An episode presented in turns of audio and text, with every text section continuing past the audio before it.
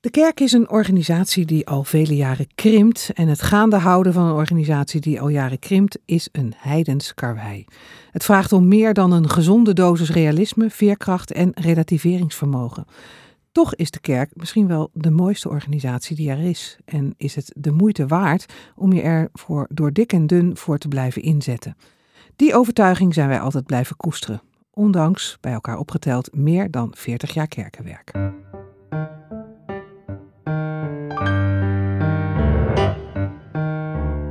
De Theologie-podcast gaat over wat vandaag speelt in kerk en theologie. En de Theologie-podcast wil delen, inspireren en verdiepen. Ja, en die optimistische tekst van Nes, die was van Gerrit van Dijk, predikant van de protestantse gemeente in Driebergen. En van Martijn van Leerdam, predikant-directeur van de Pauluskerk in Rotterdam. En samen schreven zij Krimp, waarom de kerk naar de haaien gaat, maar wij toch hoopvol zijn. Fijn dat jullie er zijn hoopvolle mannen aan tafel. Daar hou ik wel van. En jullie zijn dus bij elkaar opgeteld 40 jaar uh, actief in de kerk? Ja, zo ongeveer wel. Ik ben in uh, eh, 1997 begonnen in Kruiningen. Ja, Gerrit. Ja, ja? ja ik zeg even je naam. Ja, nee, dat mensen wie er spreekt. Ja, dat snap ik. En, en daarna naar mijn sluis uh, gegaan na acht jaar. En daar heb ik Martijn als collega mogen begroeten. Ja, want jullie hebben zeven jaar samengewerkt. ja. En nu sta jij in Driebergen, dus jij bent van de trouwe, de trouwe dominee die wat langer blijft in de gemeentes. Ja. ja. En Martijn, jij werkt ook al uh, flinke tijd in de kerk. Ja, dat klopt. Wat was het? 2010 dat ik begon als gemeentepredikant in Maasluis. En um, intussen is het 2023, dus dat is 13 jaar geleden. En ja, het is natuurlijk altijd een beetje arbitrair waar je de grens trekt, want ja. uh, kerkenwerk. Ja. Uh, dat, dat begint bij sommige mensen al heel vroeg. Al heel jong. Ja. Was er voor jullie altijd op, uh, vanaf het moment dat jullie in de kerk actief werden en werkten, nou vooral werkten, al, al sprake van krimp? Hebben jullie altijd in zo'n situatie moeten werken? We hebben, nou ja, we zijn in, ik ben in Maasluis begonnen in uh, eh, 2010 en de gemeente in Maasluis West, van de gemeente Koningshof, was een zo'n mooie uh, nieuwe gemeente in een, in een groeibuurt van de stad. Uh, die, die eigenlijk als pioniersplek kan worden gekenmerkt. Alleen dan avant la lettre. Mm uh, vanaf de jaren zeventig werd die wijk opgebouwd en het groeide en het bloeide. Allemaal jonge mensen, allemaal gezinnen. Ja. En nou, heel vroeg uh, succesvolle samenwerking met protestanten. ook de katholieken er nog bij, in een, in een theatergebouw nota bene. het was hartstikke future-proof, zo gezegd. Maar in de tijd dat ik er kwam in 2010, toen die gemeente dus een jaar of 35, 40 oud was, uh, nou ja, was, het, was het verval toch al onmiskenbaar te zien. Ja, dus jij begon eigenlijk, toen je predikant werd, was dat al op, in een tijd van krimp. Ja, zeer zeker. Ja, ja, ja. En Gerrit, was dat voor jou ook zo? Ja, dat was of hetzelfde. heb je nog uh, fijne bloei meegemaakt? ik ben in, in, Zeeland begonnen. In op zich een hele mooie uh, gemeente die net samen op weg was. Um, te midden van de Bijbelbelt. Uh, en, maar daar was ook al sprake toch van uh, terugloop. In die zin dat je zag dat bepaalde generaties gewoon ontbraken. Um, en eh, een beetje afgezet in cijfers, dan had ik zo'n 20, 25 begrafenissen per jaar. En als ik geluk had, twee of drie kinderen die gedoopt werden. Ja. Nou, dat, dat geeft wel aan.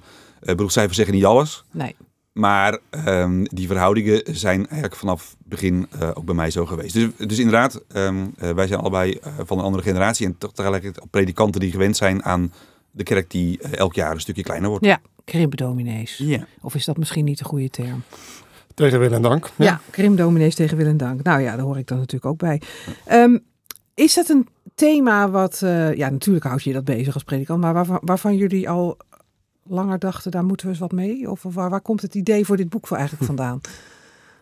Als ik het heel uh, uh, kort de bocht formuleer, ergernis vanwege al die boekjes die zo'n triomfantelijke toon aanslaan van als je nou dit programma uh, volgt, dan, dan komt het allemaal goed. Oh ja, want die zijn er veel hè? Die zijn er ontzettend veel. En zeker in die coronajaren zijn er, kwamen ze echt uit de lucht vallen. Dat niet te geloven. we hebben ze dus op een rijtje gezet. Het was echt een hele stapel. Oh ja? 10, 15 van die boekjes. En, en dat, waren... stonden hele zinnige dingen hoor. Daar gaat het niet om. Maar dat, wij raakten in gesprek met elkaar over van ja, hele mooie dingen staan erin. Alleen het heeft zo weinig uh, raakvlak met onze uh, praktijk van alle dag in die doorsnee protestantse kerk die steeds grijzer wordt. En waar gingen die boekjes dan, voor wie waren die dan wel bestemd, vraag je dan toch af? Ja, Ja, ja. maar goed, dus, dus, dus de coronacrisis bracht iets voort. Bracht in de kerk ook iets voort, maar ook die, die literatuur. En het was toen dat jullie dachten, nou, dan gaan wij het maar beter doen. Nou ja, je kan natuurlijk als je begint, uh, kan je nog denken bij jezelf. Ik weet wel dat we in een moeilijke situatie leven in de kerk. En ik weet wel dat er wat uh, lastige problemen zijn. Maar laten we nou nog maar eens zien. Hè? In de praktijk zullen we nog wel eens kijken of er geen mouw aan te passen valt. Maar als je een tijdje met beide benen uh, in die, in die werkelijkheid staat, ja, dan moet je dat toch onder ogen zien. En dan moet je de problematiek serieus nemen die je ziet. Ja. Of dat nou een uh, hoopvolle, uh, victorierijke groeicontext is, of dat het een uh, weerbarstige tijd van verlies is en krimp. Ja. ja. dat laatste was in onze gemeentes het geval, is dat nog steeds. Wij zijn ervan overtuigd dat dat voor, voor 80, 90, misschien wel 95 procent van de gemeentes geldt in Nederland. Ehm, ja, je moet dat doordenken. En je moet je op een constructieve manier afvragen, ja, hoe, hoe gaan we om met die uh, lastige werkelijkheid? Ja. Dus eigenlijk kiezen jullie ervoor, en dat vind ik ook moedig, om er maar gewoon voor uit te komen. Ik ben een dominee met een krimpende kerk. Het lijkt wel de AA. ik heb een probleem. Nou ja, een probleem. En uh, daar mee voor de dag komen. En daar dan maar eens over nadenken. Nou, het is beter dan uh, te doen alsof het allemaal wel meevalt. Ja. Uh, het is beter dan je vastklampen aan elke laatste strohalm. Uh, en dat zijn reacties die we in de gemeente en ook soms bij collega's en in de literatuur wel heel veel zien. Ja, dat zie je echt gebeuren, Gerrit? Ja, en tegelijkertijd al uh, praten met elkaar. Want Martijn was begonnen met schrijven. En toen uh, hadden we een soort huizenruil. zij logeerde, want de, op de Utrechtse Heuvelrug is het leuk zomervakantie vieren. Dus zaten zij, zaten zij in de pastorie bij, bij ons een weekje. En toen raakten we aan de praat. Toen zei hij van, misschien moeten we daar gewoon eens samen verder over, over doorpraten. Nou, die gesprekken waren alleen al leuk. En al gaande zijn we gaan schrijven. En tijdens dat proces stuiten wij op een Amerikaanse theoloog, Andrew Root. Ja, die is wel helemaal hot, hè? Nou, dat is, dat is echt wel grappig inderdaad. Dat je denkt, ja, hebben wij iets nieuws ontdekt? Ontdekt ineens heel iedereen hem. Ja, nou zo gaat het heel vaak. Dat, uh, heel fijn. Hij was inderdaad ook in de Dom in Utrecht. Ja. Een paar weken terug, ook nou niet live op het scherm, maar wel uh, uh, werd hij daar gepresenteerd. heeft de klassisch predikant Trinet Verhoeven hem geïnterviewd. maar dat was een theoloog waarvan wij zeiden van, dat is nou iemand die die verwoordt uh, wat wij voelen of wat, wat wij meemaken. Zonder dan ook meteen op, met oplossingen te komen, maar wel een, um, een doorleefde tijdsgevoel. En zegt van ja, neem dat ook maar serieus. En dan tegelijkertijd ook um, wel van, en, en, en, hoe ben je daar dan in gelovig in, in, die, in zo'n context? Ook kerkelijk, kan dat nog? Ja. Ja. Um, dus dat, dat raakte ons wel. En toen zijn we, hij schrijft sneller dan dat wij bij kunnen lezen. Uh, zijn boeken. Maar ja. dat, dat heeft ons ook wel geïnspireerd om, om door te pakken met dit ja. boek. Ja. ja. en zo kwamen jullie samen aan het schrijven. Ik citeerde net al een, een stukje uit het boek waarin jullie ook zeggen van... Uh, ja, de kerk is ook misschien wel de mooiste organisatie die er is. Dus er zit bij jullie beiden een soort nou, passie is al zo'n besmet woord, hè, maar toch een soort verlangen ook om, uh, om die kerk ook uh, ja, de relevantie van de kerk, maar ook de, de schatten die er misschien te vinden zijn, om die ook wel uh, voor de ja. hele wereld en de, laten we bij Nederland beginnen beschikbaar te maken. Waar zit het mooie van de kerk voor jullie? Wat, wat, wat is het dat je maakt, maakt dat je dat zegt? Ja, wat mij betreft de, de vrijheid van onze tijd. Uh, er zijn natuurlijk tijden geweest in de kerk dat je uh, je, je, binnen bepaalde uh, grenzen moest bewegen. En dat je moest oppassen dat je daar niet te veel overheen stapte. Omdat je anders op een ander kerkelijk erf terecht kwam. Uh, veel, oh van die, veel van die kerkelijke grenzen, van die muren en van die drempels, die zijn een stuk lager geworden vandaag de dag. je kan open met elkaar spreken, je kan samen op zoek gaan. En dat een plek om samen te zoeken, zonder haast, dat is een groot geschenk in deze haastige tijd. Ja, en voor jou Gerrit? De mensen die die kerk vormen. En tegelijkertijd ook de traditie. Uh, dat je dus niet de eerste bent. En dat relativeert vaak ook je eigen uh, nou ja, manier van leven. De zorgen die je hebt, de vreugdes die je vindt. Die je dus ook kunt afzetten tegen zo'n traditie die je terugvindt in de Bijbel, in de geschriften. Maar ook wel in de traditie van de kerk. In hoe die geschiedenis gegaan is. Door allerlei dalen en hoogtepunten. Um, en dat vind ik ook wel mooi dat je dan van zo'n geschiedenis deel uitmaakt. En uh, dat mag voortborduren. In, een soort vertrouwen dat, uh, dat je daarin gedragen wordt. Um, in, in de, op de hoogtepunten, maar juist ook door, door de dalen heen. En inderdaad, het, het, samenkomen van mensen die vragen van het leven doordenken, daar de tijd voor nemen, zonder dat er altijd antwoorden zijn, maar het dan wel uit kunnen houden met die vragen. Mm. En levensmomenten kunnen vieren. Die gaan over het begin van het leven, over het eind van en alles wat daartussen zit. Ja. Uh, ja, dat, dat vind ik wel heel, uh, heel gaaf. Ja, dus het is de moeite waard om na te denken over hoe dat vorm kan blijven hebben. Nou, laten we die roze olifant, hoewel het is helemaal geen roze olifant, want we hebben het woord al diverse keren genoemd, maar eens even hier neerleggen. Krimp. Krimp in de kerk. Um, je schrijft ook in je inleiding, soms worden, er, worden we er moedeloos van. Waar zit de moedeloosheid in? Nou ja, toen ik van de opleiding afkwam, was ik nauwelijks voorbereid op eh, de uitvaarten die ik zou doen, bijvoorbeeld. En het rouwpastoraat. Ehm, natuurlijk, als je tegenwoordig uh, theologie studeert en je gaat vervolgens de gemeente in, dan weet je dat je in deze situatie terechtkomt. Maar dat is nog iets anders dan dat je jaar in jaar uit steeds meer mensen met wie je je persoonlijk verbonden hebt, met wie je tijd en aandacht hebt, uh, hebt doorgebracht, ehm, dat je die begeleidt naar het eind. Dat je die kwetsbaar ziet worden, uh, begeleidt tijdens ziekte, dat je die naar het graf brengt. En vervolgens met de nabestaanden uh, weer herinneringen ophaalt. Het is een even dankbaar als ook verdrietig proces. Ja. Wat een stukje van jezelf wordt. Uh, ik denk dat veel, veel dominees dat herkennen, maar in de, laten we wel, wel wezen, in de parochie is dat vaak nog veel erger ja. met het priestertekort. Ja. Maar je begraaft letterlijk de kerk? Of zo, ja, je begraaft je gemeente. En je ziet, uh, ik heb wel uh, pastoors ontmoet die echt 30, 40, 50 uitvaarten per jaar deden. En dat vele jaren achter elkaar. Hmm. En ik heb zelf ook dat ik nog, ik zie vaak de gezichten van de mensen voor me die, bij wie ik aan het sterfbed gezeten heb. En hè, over met wie met wie je die lastige gesprekken hebt gevoerd over het leven. En de eindbalans en, en, en de moeizame dingen en de dankbare dingen ook. Het is absoluut geen straf om, uh, om, om uitvaarten te leiden en om met mensen te zoeken naar wat nou werkelijk van betekenis is in een lang levensverhaal. Ja. Nee, dat ben absoluut geen, maar het maakt je wel kwetsbaar. Ja. En tegelijkertijd zit voor mij dan de moedeloosheid vooral in de onbalans die er op een gegeven moment is. Mm.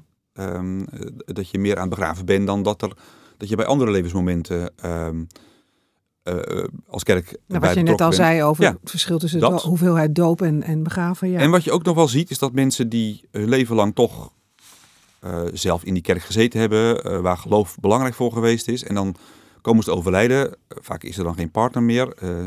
zij zijn nog alleen over als vader of moeder in zo'n gezin. Kinderen wonen elders.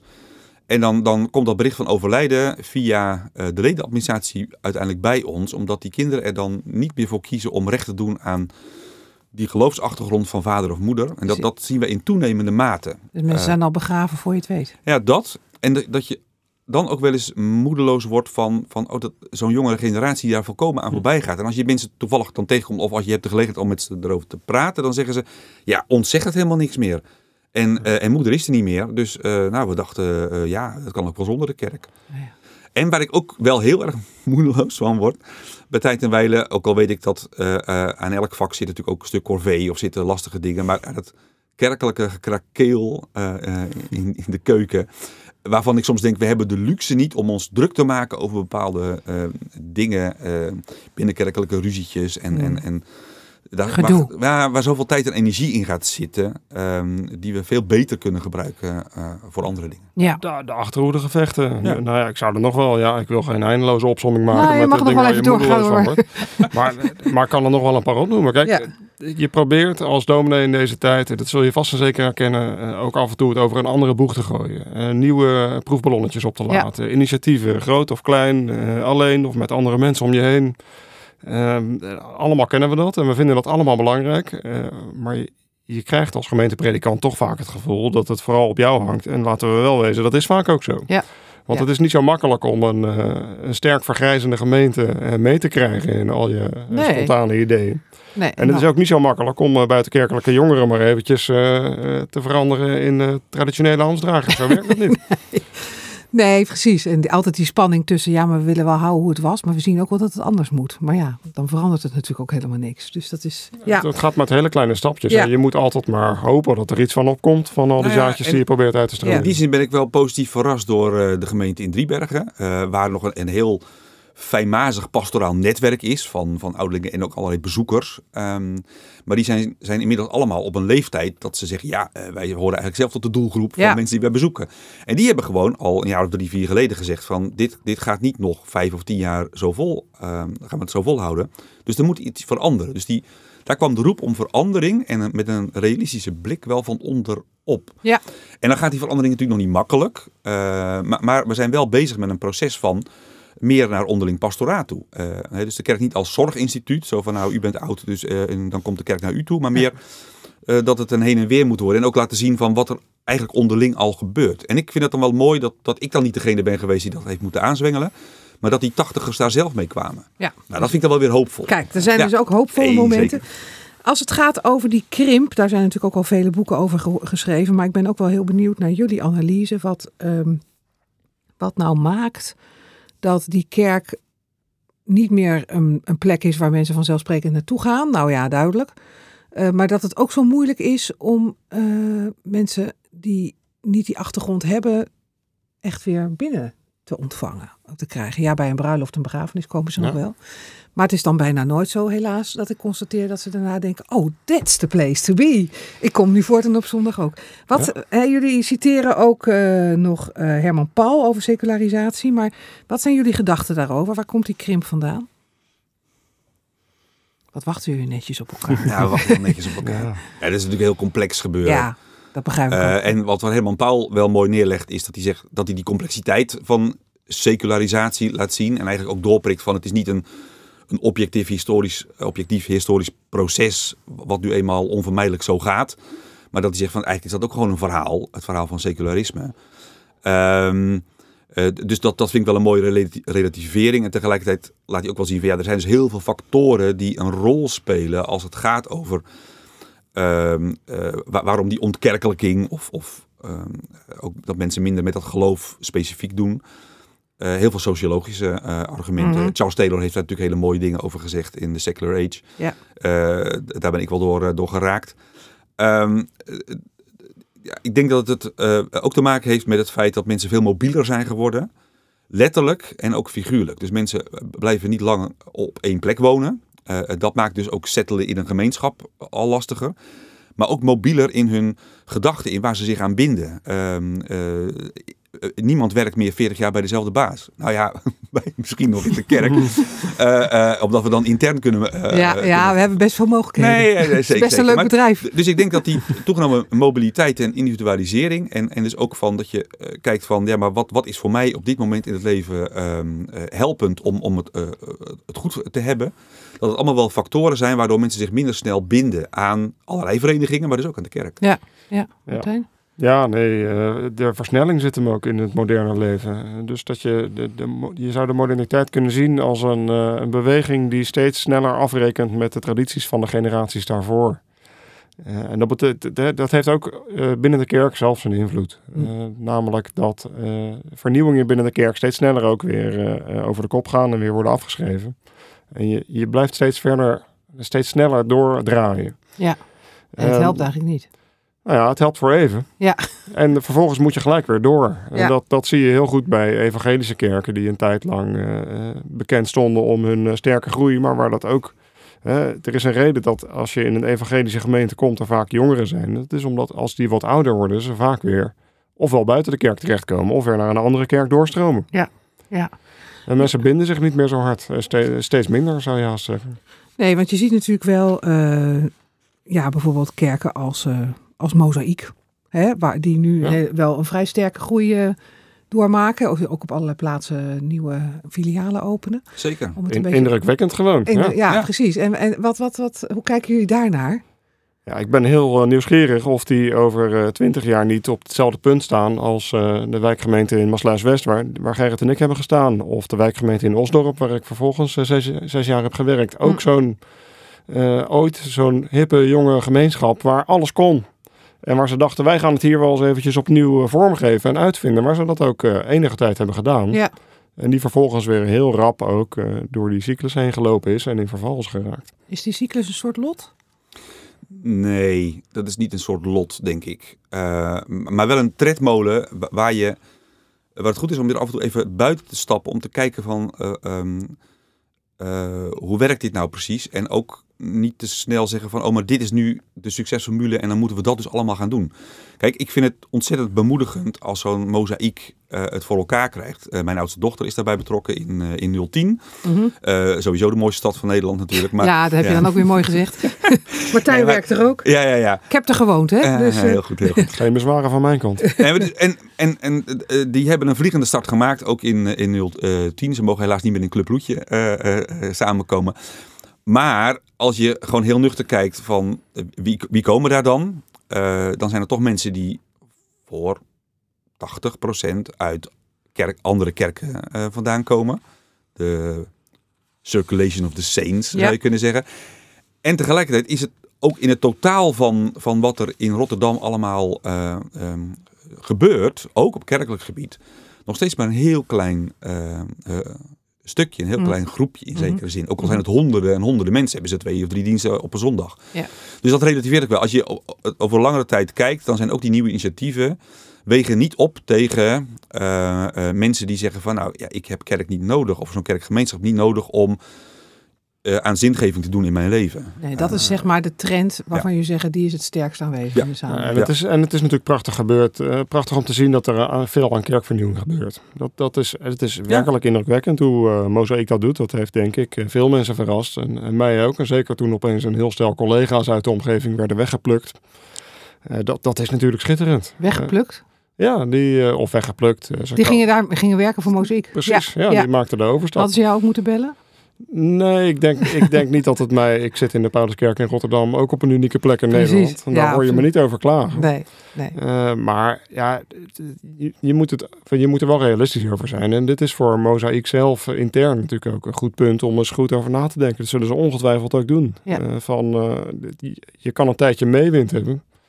Uh, maar hoe, hoe ga je proberen om daar structuur aan te geven ja. als die beweging langzaam in een, uh, in een organisatie, in een systeem verandert?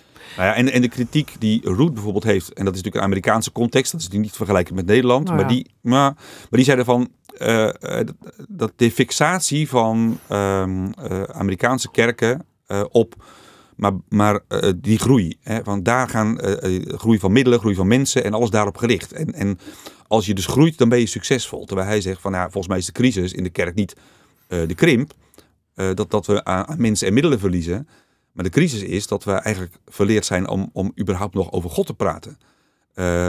in, in alle kerken, hè, ook in die evangelicale kerken, waar heel makkelijk over God gepraat wordt. Maar als je daar dan echt wat dieper op doorgaat, Um, dan, dan valt dat ook nog wel mee of tegen, net hoe je ja, er tegenaan ja, kijkt. ja. En zeker binnen de traditionele kerken uh, zijn we beschroomd geraakt en ook verlegen met, met God te sprake brengen. Want waar zien wij God nog handelen in deze wereld? En dat, dat vind ik wel een, een mooie notie. En daar is hij ook wel misschien wel een beetje Bartiaans in. Ja. Uh, uh, die zegt, en, maar de, de kunst van de kerk is om toch te, daarin te blijven geloven en te zoeken naar sporen waar God nog aanwezig is. Ja, en God ter sprake blijven brengen. Ja aandacht erop te blijven vestigen. Je ziet natuurlijk ook in de, in de protestantse kerk um, echt wel een verlegenheid. Ook een soort, tenminste als ik kijk naar de afgelopen jaren, eerst een enorme concentratie op pioniersplekken. Met, Mhm. Dat je dacht, uh, zo moeten we al het heil van de pioniersplekken verwachten. Ik heb het idee dat dat nu een beetje weggeëpt is. Ja. Is dat, zijn we gewoon ook uh, zoekend? Merk je dat ook in de grotere kerkstructuren, dat, dat ze eigenlijk ook niet zo goed weten? Nou, ik was heel enthousiast toen in 2004 de protestantse kerk ontstond. Um, dat het direct werd ingezet op uh, missionair elan. Ja. En dat er dus maar liefst vier van die missionaire rondes zijn geweest. Ja. Um, en ik heb aan alle vier uh, van harte meegedaan. Nee, echt. En, ja. en, um, en er is ook mooi materiaal voor ontwikkeld. Ik was, was echt blij dat je zegt van nou, het hoeft niet meer met zo'n half gestenceld uh, dingetje en uh, het moet allemaal maar goedkoop. Nee, er kwam mooi materiaal beschikbaar uh, voor weinig, hè, vanuit de landelijke kerk naar ook lokale kerken toe. Maar wat, wat ik ook zag, is dat ik wel was wel enthousiast. Maar ja, ik word gewoon betaald. Uh, niet om enthousiast te zijn, wel om, om uh, ik ben vrijgesteld van gewone arbeid om in die kerk uh, te ja. werken. En heel veel vrijwilligers, heel veel ambtsdagers en anderen, die werden ook weer moe van, oh dan moeten we weer naar zo'n missionaire ronde. Ja. En we hebben het al zo moeilijk om de kerk draaiend te houden. En dat vond ik wel, dat ging me aan het hart. Dat ik dacht van, oh er is hier zoveel moois. En, en eigenlijk viel dat in een soort gat. Uh, uh, uh, ja, waar het ook nooit meer uit teruggekomen is. Nee, nee, dus de, nee. ja, dus de, de pogingen waren heel goed, denk ik. Alleen het sloot niet aan bij het gevoel of de, of de realiteit, de werkelijkheid... die in heel veel lokale kerken aanwezig was al nee. toen. Dus dat, was dat ook jouw ervaring, Martijn? Nou, duidelijk, ja. Ik bedoel, je, je, moet eerst de situatie zoals die is proberen te doorgronden en onder ogen te zien. En daar met beide benen in staan. En je kan te snel de lente proberen uit te roepen. Je kan te snel de lente proberen uit te roepen. Ja. Dat is wel mooi gezegd. Ja. Dus je zegt eigenlijk, er moet eerst maar eens gerouwd worden. Nou, er groeien in de herfst natuurlijk ook mooie bloemen. Ja. En daar is niks mis mee. Uh, daar, daar kun je van genieten. En dat is best een kunst. Uh, ja, zeker als je weet dat de winter komt. Nou ja, het klinkt misschien een beetje uh, vaag allemaal, maar...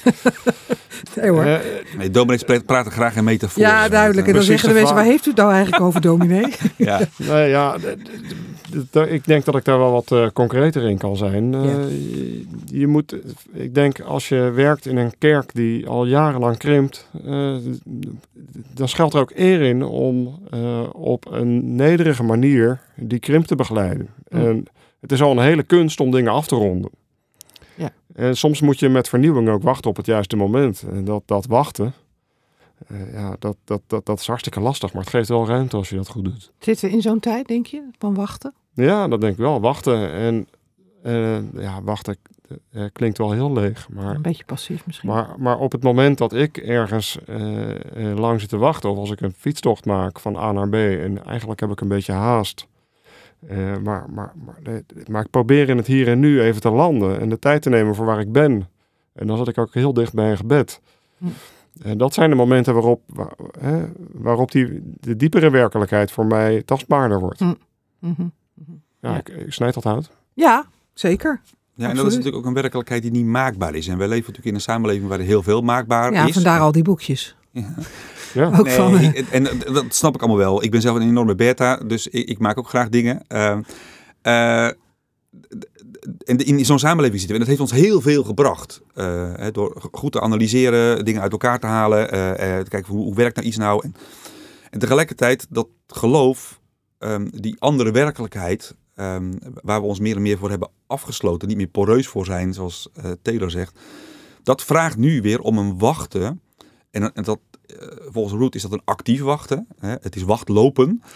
Um, oh, dat is een mooie term. Ja, dat is ook wel een mooi term. Maar Ja. ook wel weer een metafoor waarvan ik denk, ja, maar hoe gaat het dan in de praktijk? Hè? Want dan, dan, dan neem ik mijn kerkraad daar ook in mee in dat gedachtegoed. En dan, dan is er iemand die nog een beetje mijn leeftijd is, die verzucht dan, ja, maar ja, uh, wachtlopen is leuk en aardig. Maar, maar, hallo, er moet wel gewoon dingen geregeld worden. En, en uh, uh, nou, dus dat Ja. vind ik dan wel weer mooi, die nuchterheid. Maar het is wel inderdaad het uithouden met, met die krimp. En, en niet te snel verplicht van, oh, als we nou dit eens doen, als we dat eens doen. Maar ook kijken van, wat, uh, hoe spreekt God nog tot ons? En, Ja. en, zegt, en dan zegt Roet, in die, in die wachttijd ook maar gewoon bezig blijven. En dat haalt hij ook bij Bonhoeffer vandaan. Uh, met bidden, met, met samenleven, met dat leven delen. Omdat daarin, als je dat leven met elkaar deelt, ontstaat er iets wat Hartmut Rosa, een, een Duitse socioloog waar Roet ook schatplichtig aan is, zegt daar ontstaat de resonantie. Ja. En, en uh, resonantie is niks meer dan trilling, maar dan gaat er iets gebeuren wat, uh, uh, wat eigenlijk ongrijpbaar is, onmaakbaar, maar wat wel de essentie van het bestaan uh, raakt. Ja, Of, ja. In een andere aflevering van deze podcast sprak ik met Jan-Martijn Abrahams en Zaken Stoppels, die ook een boek hebben geschreven over heil in deze tijd en hun oor te luisteren hebben gelegd bij missionaire pioniersplekken, maar ook gewone gemeenten. En eigenlijk benoemen die dit ook. Het gewone leven met elkaar leven. En daar iets van het koninkrijk zien oplichten. Ja, ja. Um, jullie noemen in jullie boek ook een aantal religieuze trends in de samenleving. Ik dacht, nou, gelukkig, er zijn nog religieuze trends. Dat is goed nieuws.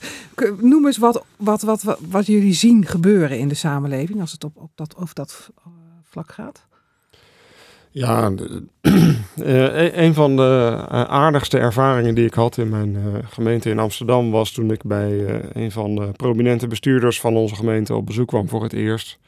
En die had uh, echt uh, handenvol Boeddha-beelden over zijn woonkamer. Oh, serieus? Ja, Oké. Okay. Ja, en dat, dat, dat is geestig. Hij had ook nog affiniteit met uh, het Jodendom. Oh, om, ja. om, om goede redenen. Ik denk, dat hebben we allemaal als christenen, of we dat nou erkennen of niet. En dat was, het was een prachtig staaltje van multiple religious belonging, zoals, dat in de sociologische literatuur heet. Ja. dus dat je affiniteit voelt met verschillende religies en religieuze stromingen naast elkaar dat je van uh, twee walletjes eet, om het zo te zeggen. Of drie, of vier. Ja, ja dus dat is, dat is, zou je kunnen zeggen, uh, het uitkiezen uit de verschillende tradities waarvan je denkt, nou, het past wel bij mij. En daar dan en dat dan nog maar gewoon. Ook. Er is ergens ook een soort ontvankelijkheid. Je, je ziet dat zelfs in uh, rooms-katholieke kloosters, waar ze niet zelden met uh, zaken als zen-meditatie bezig zijn. Ja, ja, ja. Wat, is, wat, wat treffen we nog meer aan? Trends, um, de, de passion is denk ik een, ook wel zo'n trend te noemen. niet helemaal nieuw, want daar gaat al natuurlijk een aantal jaren mee. Maar dat is wel ja. iets waar je um, met dat oude verhaal ook weer hele ja, nieuwe mensen ook aanspreekt. Mm. Um, en, en de festivals, sowieso zijn er, uh, is dat enorm groeiend in Nederland. Het aantal festivals, uh, maar ook het aantal uh, religieuze festivals. Ja, Graceland. Dus de, ja. dus de entertainmentcultuur. Ja. ja, of het alleen maar entertainment is, weet ik niet. Want, want er zijn ook echt mensen die, die kunnen met zo'n week Graceland of met um, een, een weekend opwekking of ook alweer, daar denken ze ook alweer bij. Uh, en, en daar kunnen ze ook alweer mee toe in hun eigen, um, misschien wat religieuzer arme omgeving. Um, dus het is niet alleen maar het vermaak, denk ik. De mensen vinden daar ook wel diepgang. Mm. Mm -hmm. um, ja. En vooral ook heel veel ontmoeting. En het, en het ook wel het, het, het mooie om, om met veel mensen dan samen te zijn en daar iets te beleven. Wat me wel in opvalt, ja. hè, is um, het toch een beetje, nou ja, niet helemaal, maar wel een beetje het ontbreken van een, een, een stabiele gemeenschap waar je je la, jaar voor jaren aan verbindt. Ja, dat zit er niet zo in, hè, in deze trends. Individualisering hebben we het over gehad natuurlijk. Ja, ja. ja. ja. Nee, kijk, een, een, Drieberg heeft een mooie muziekcultuur uh, en traditie, ook veel kunstenaars die daar wonen. Dus als we als kerk iets met kunst doen, of als we een kantatendienst organiseren, dan zit die kerk uh, ineens veel voller dan op een normale zondag. Dan zijn er dus echt de liefhebbers die op Bach afkomen of op uh, een mis van Haydn of uh, een mooi kunstproject als wij meedoen met het feest van, het ge van de geest bijvoorbeeld in, rond Hemelvaart en Pinksteren. Um, maar dat zijn inderdaad mensen die op zich ook gewoon in het dorp wonen en die, en die de kerk een warm hart toedragen en vaak ook nog wel lid van zijn. Maar zelf voor zichzelf krenten uit de pap kiezen om uh, van te genieten. En ja, daar kan uiteindelijk zo'n gemeenschap niet op blijven draaien. En daar zit natuurlijk de, de bottleneck van de krimp. Krimp is op zich niet per se misschien een probleem, maar wel in de zin van ja, uh, als er straks uh, onvoldoende mensen zijn om, om die organisatie overeind te houden, mm -hmm. dan is er straks geen kerkruimte meer waar die kantatendienst gehouden wordt. Dan is er geen um, kerkgemeenschap meer die dat faciliteert. En, en Nee, uh, en, maar, je, maar je ziet dus inderdaad um, dat dat heel lastig is om mensen uh, te binden.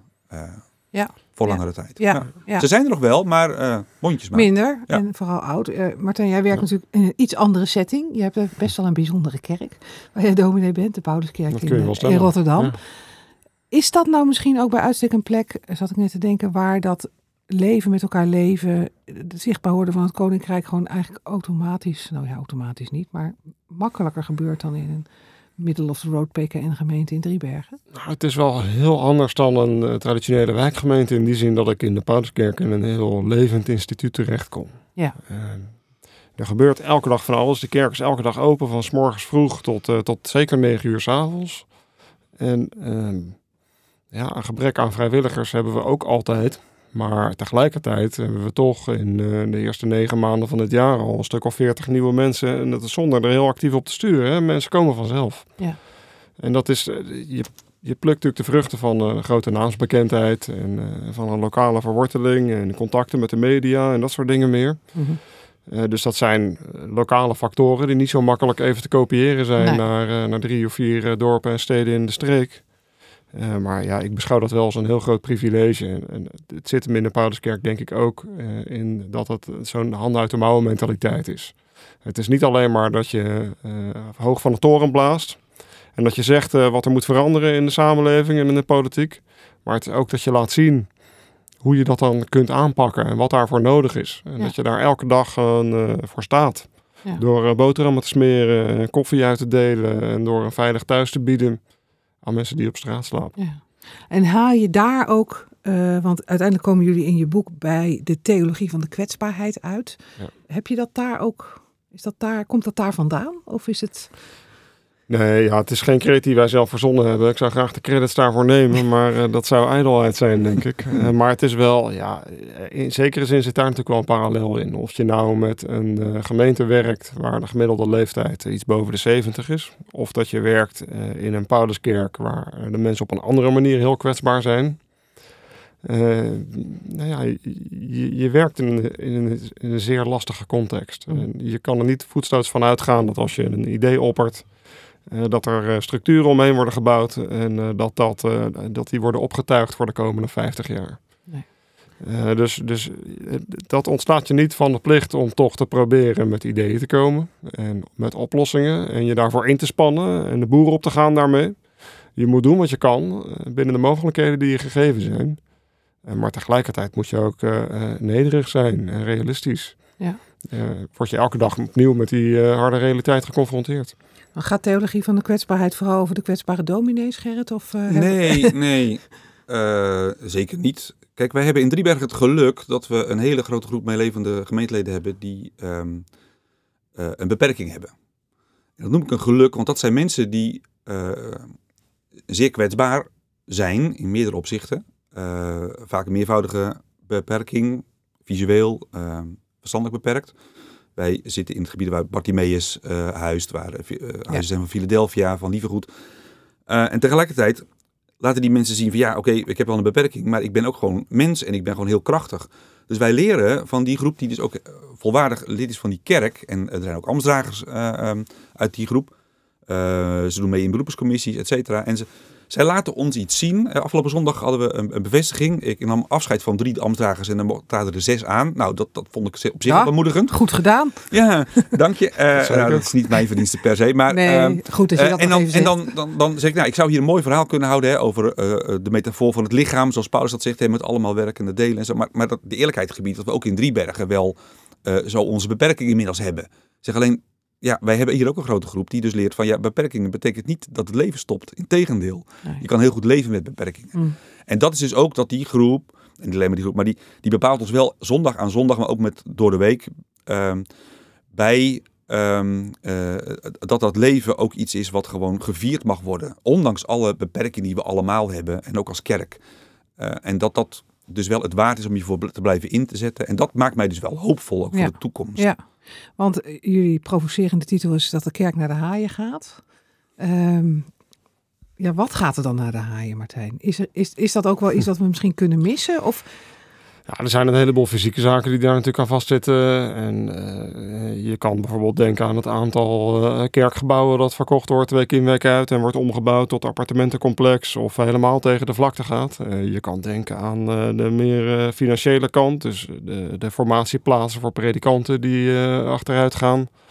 dat kan je heel goed zien hoe die ontwikkeling geweest is de laatste tien jaar in Maasluis sinds wij daar begonnen zijn. Ja. Uh, maar er zit ook een, uh, een, een, een, kennisaspect aan, bijvoorbeeld. Iets wat, uh, wat, wat, in mijn optiek een beetje onderbelicht is. Maar het, en het zijn niet alleen de theologieopleidingen die krimpen, maar het is ook een generatie gemeenteleden die heel belezen was. Ja. Die, eh, die ontzettend veel belangstelling had voor alles wat te maken had met kerk en cultuur en maatschappij. Eh, die soms hele bibliotheken hebben verzameld thuis. Ja. Ik kan me nog goed herinneren dat ik als beginnend predikant voor het eerst door zo'n uh, gemeentelid werd uitgenodigd om eens rond te neuzen in zijn boekenkasten. Want hij zei ja, ik, uh, ik kom op een leeftijd uh, dat ik uh, zo langzamerhand aan het einde moet gaan nadenken. Ik ga maar eens een beetje opruimen alvast. Yeah. Dat scheelt. Yeah. Yeah. En ik waande mij als een kind in de snoepwinkel natuurlijk. Met al die theologische boeken. Uh, die ik me als student niet had kunnen veroorloven. Die ik daar gewoon, uh, mocht er gewoon een paar handen vol. En de tweede keer en de derde keer dat me dat overkwam, ja. voelde ik me nog, nog een beetje zo. Maar de vierde en de vijfde en ook de, de dertiende en de veertiende keer dacht ik... Ja, maar ik heb thuis nog uh, 40 of 50 theologieboeken liggen. Allemaal classics en allemaal boeken waarvan ik denk... nou daar wil ik mijn tanden nog wel eens in zetten. Maar hoe ga ik dat in hemelsnaam allemaal doornemen? Ja, en... dat, dat al die kennis uh, van die uh, eerbiedwaardige gemeenteleden en, en collega's ook, die vele jaren met het beste van hun krachten de kerk hebben gediend, die verdwijnt stukje bij beetje. En dat kun je nooit allemaal absorberen als kleiner wordende groep. Nooit meer hoef je als dominee met vrees en beven naar dat ene gemeentelid te gaan die eigenlijk beter de theologie heeft begrepen dan jijzelf. Dat is toch jammer? Ah, nee, ja, het, is ook, het is een privilege dat zulke mensen er zijn. En, maar gaat en dus gaat iets verloren als die kennis verloren gaat die ze hebben verzameld en die ervaring. Ja, niet alleen maar dat, maar ook gewoon basale geloofskennis. Ik had van de week een, een avond uh, over het Onze Vader. Uh, daar kwamen 35 mensen op af, uh, maar wel met een gemiddelde leeftijd van 75. Nou, geeft dat op zich niet. Maar die, die dan zich oprecht zorgen maken over, over hoe uh, uh, het Vader voor hen heel veel betekent. Hè, op veel verschillende momenten in hun leven. Dagelijks, maar ook wel op, op bijzondere momenten. En ze zeggen, ja, we hebben het onze kinderen wel geleerd, maar we zien dat onze kleinkinderen en achterkleinkinderen dat niet meer meekrijgen. Nee. Uh, dus in die zin is het ook zo dat dat een traditie die opgebouwd is in 2000 jaar, ook als je niet uitkijkt, binnen één, twee generaties voor een heel groot deel uh, uh, ja, afbrokkeld, wegvloeit, weggeblazen wordt. Ja, dus zo gaat het naar de haaien. Nou, dat is naar de haaien gaan. Dat is naar de haaien gaan. Laten we eindigen met iets positiefs. Jullie hebben niet zo'n boekje geschreven met een methode om het allemaal maar weer voor elkaar te krijgen, maar er spreekt wel eens heel sterk verlangen uit. Jullie boek. Um, ja, wat hopen jullie eigenlijk dat ermee gaat gebeuren? Allereerst uh, fijn dat je dat verlangen hebt opgepikt, uh, Elsbeth. Uh, en dat, dat, dat is iets waar je steeds weer naar moet terugkomen, waar je in de praktijk steeds weer op moet oriënteren. En ik denk, als ik voor mezelf spreek, dan is het boekje ook een vrucht van de pogingen en van het geduld wat je daarvoor nodig hebt mm. om daar weer bij terug te komen. Ja. Gerrit? Ja, dus het is inderdaad ook een boekje wat we vooral voor onszelf in eerste instantie hebben geschreven. Als een soort spiegel om in te kijken. Mm. Uh, uh, met een stuk realisme. Maar ook wel van, maar, maar, maar uh, waarom blijven we dan toch nog steeds in die kerk? Ja. En we hebben de stille hoop dat dat ook herkend wordt door anderen. Um, en dat, dat die dan dus ook niet bij die pakken gaan neerzetten. Zo van, ja, nou ja, inderdaad, laten we dan maar als laatste het licht uit doen. Maar dat ze zeggen, oké, okay, we herkennen dat. En tegelijkertijd herkennen we ook dat verlangen. En, en willen we het ook wagen om met elkaar dat, dat wachten uit te houden. Ja. Uh, hoe lastig dat ook is. En daar hebben we elkaar ook wel hard voor nodig. Uh, dus dat is ook de bemoediging, dat we elkaar daarin niet loslaten. Um, maar juist ook door gewoon te benoemen hoe lastig het soms is. Ook te zeggen, maar we zijn er nog wel. En bovenal, God is er ook nog. En uh, als wij gewoon dat geduld op kunnen brengen en het uithouden, dan hij houdt het in ieder geval met ons uit. Ja, en dat wij dan maar wachtlopen met elkaar. Ja, dat. Vind ik een mooie ja. metafoor. Ja. Heel veel uh, dank uh, voor, uh, voor dit gesprek en zegen op jullie werk. Gert van Dijk in, in Driebergen en Martijn van Leerdam in Rotterdam. Hartelijk dank. En als je als luisteraar meer wil lezen over hoe je nou om kunt gaan met zo'n situatie van krimp, ga dan naar www.theologie.nl slash krimp. Want op die pagina hebben we een groot aantal actuele artikelen over het thema bij elkaar geplaatst. En natuurlijk lees vooral ook het boek wat nu net is uitgekomen. Uh, deze podcast is onderdeel van het platform theologie.nl en daarop vind je blogs, boekrecensies, artikelen, allemaal voor jou klaar staan ze om te lezen. En je kunt uh, een maand lang gratis gebruik maken van theologie.nl. Ga naar de site, kies lid worden, gebruik de code podcast tijdens je bestelling. Tot ziens op theologie.nl.